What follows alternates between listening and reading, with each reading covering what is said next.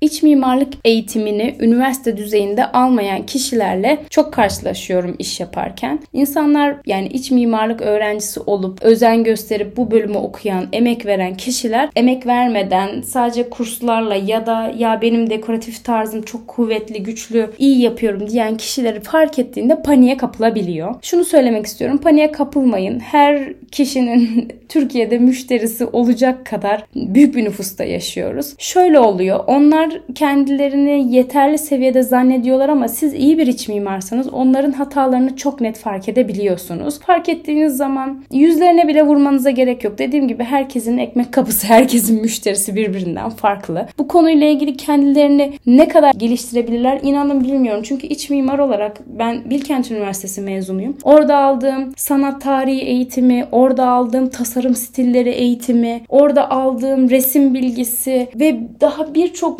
mobilya detayı, malzeme detayı bunların çoğunu bilmeden sadece dekoratörlük üzerine bir şeyi süslemek üzerine alınmış online eğitimler gerçekten çok az ve küçük komik kalıyor bunların yanında. Daha yeni bir hafta önce başıma gelen bir olayı anlatmak isterim size. YouTube kanalımda örnek daireleri geziyorum ve daireleri gezerken de oradaki yerleşim üzerinden izleyen kişilere fikir veriyorum. Genelde yanlış yerleşimlerle de çok karşılaştığım oluyor. Çünkü çoğu örnek dairede iç mimarlarla sadece banyo ve mutfak tasarımı için çalışılıyor. Diğer alanlar genelde hep mobilyacılara veriliyor. Bu çok büyük taşeron firmalarda, müteahhit firmalarda da böyle maalesef. Evi geziyorum. İstanbul'un çok büyük bir firması. Evi geziyorum. Ya diyorum Mustafa Toner'le çalışmışlar iç mekan tasarımında. Yatak odalarına bakıyorum, salona bakıyorum. İçimi gıdıklayan bir şey var. Diyorum ki burada bir şeyler yanlış. Mobilya parçalarının hepsi teker teker güzel ama bir sıkıntı var. Şimdi işin içinde Mustafa Toner olduğu için de soramıyorum utancımdan. Yani Mustafa Bey mi yaptı burayı diye. Neyse en son ebeveyn adasını gördüm ve dayanamayıp sordum ya. Çünkü 3 tane ahşap rengi bir aradaydı. Birbirinden farklı tarzda mobilyalar eklektik yapılmaya çalışılmış ama birbiriyle asla ahenk içinde değil. Dedim Mustafa Bey bu evin ne kadarını yaptı? Dediler ki sadece mutfak, kapılar ve banyoları tasarladı deyince oh dedim ya anlamıştım yani kesinlikle bu e, evin kalanının iç mimarın yapmadığını düşünüyorum